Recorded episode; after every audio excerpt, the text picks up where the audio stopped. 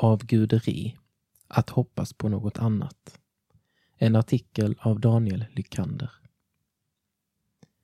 Vad är det du hoppas på? En avgud är något som du förväntar dig ska ge dig det du innerst inne längtar efter.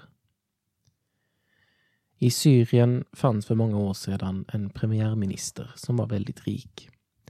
Landet hette då Aram och mannen var också framgångsrik befälhavare för armén.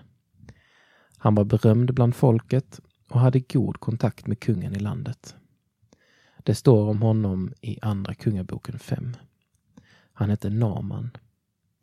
Naman tillhörde innegänget och var den som alla ville vara med.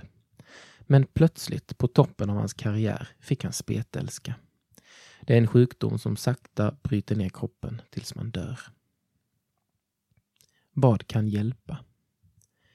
Naman fick tipset att gå till profeten Elisha. Istället åkte han till kungen i Israel med stora gåvor och ett brev från kungen i Aram och framförde sin önskan om att bli helad. Han satte all sin tillit till att hans framgång, hans rikedom och hans goda kontakter skulle hjälpa honom att bli helad. Framgången var Namans avgud, men den hjälpte honom inte. Det viktigaste för oss.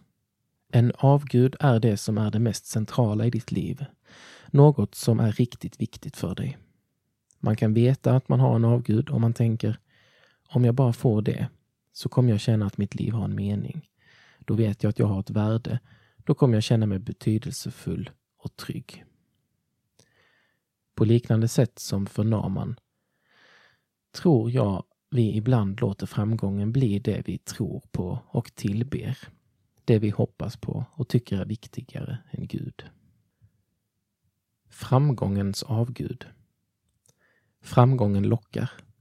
Om du blir snygg och vältränad så kommer alla vilja vara med dig. Eller om du får de högsta betygen kan du skapa dig en karriär och bli rik. Poängen är inte att det är fel att träna eller studera väl. Gör det. Men det blir så tokigt när det blir det viktigaste i våra liv. Vår framgång är tillfällig och bräcklig och en dag kommer vi att dö. Det finns många olika saker som kan bli våra avgudar, men ingen av dem kommer att ge oss det vi verkligen behöver. En verklig Gud. Naman fick senare istället möta den levande guden, Israels Gud, som helade honom.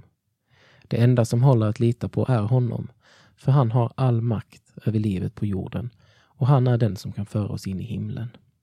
Han ger oss det vi verkligen längtar efter.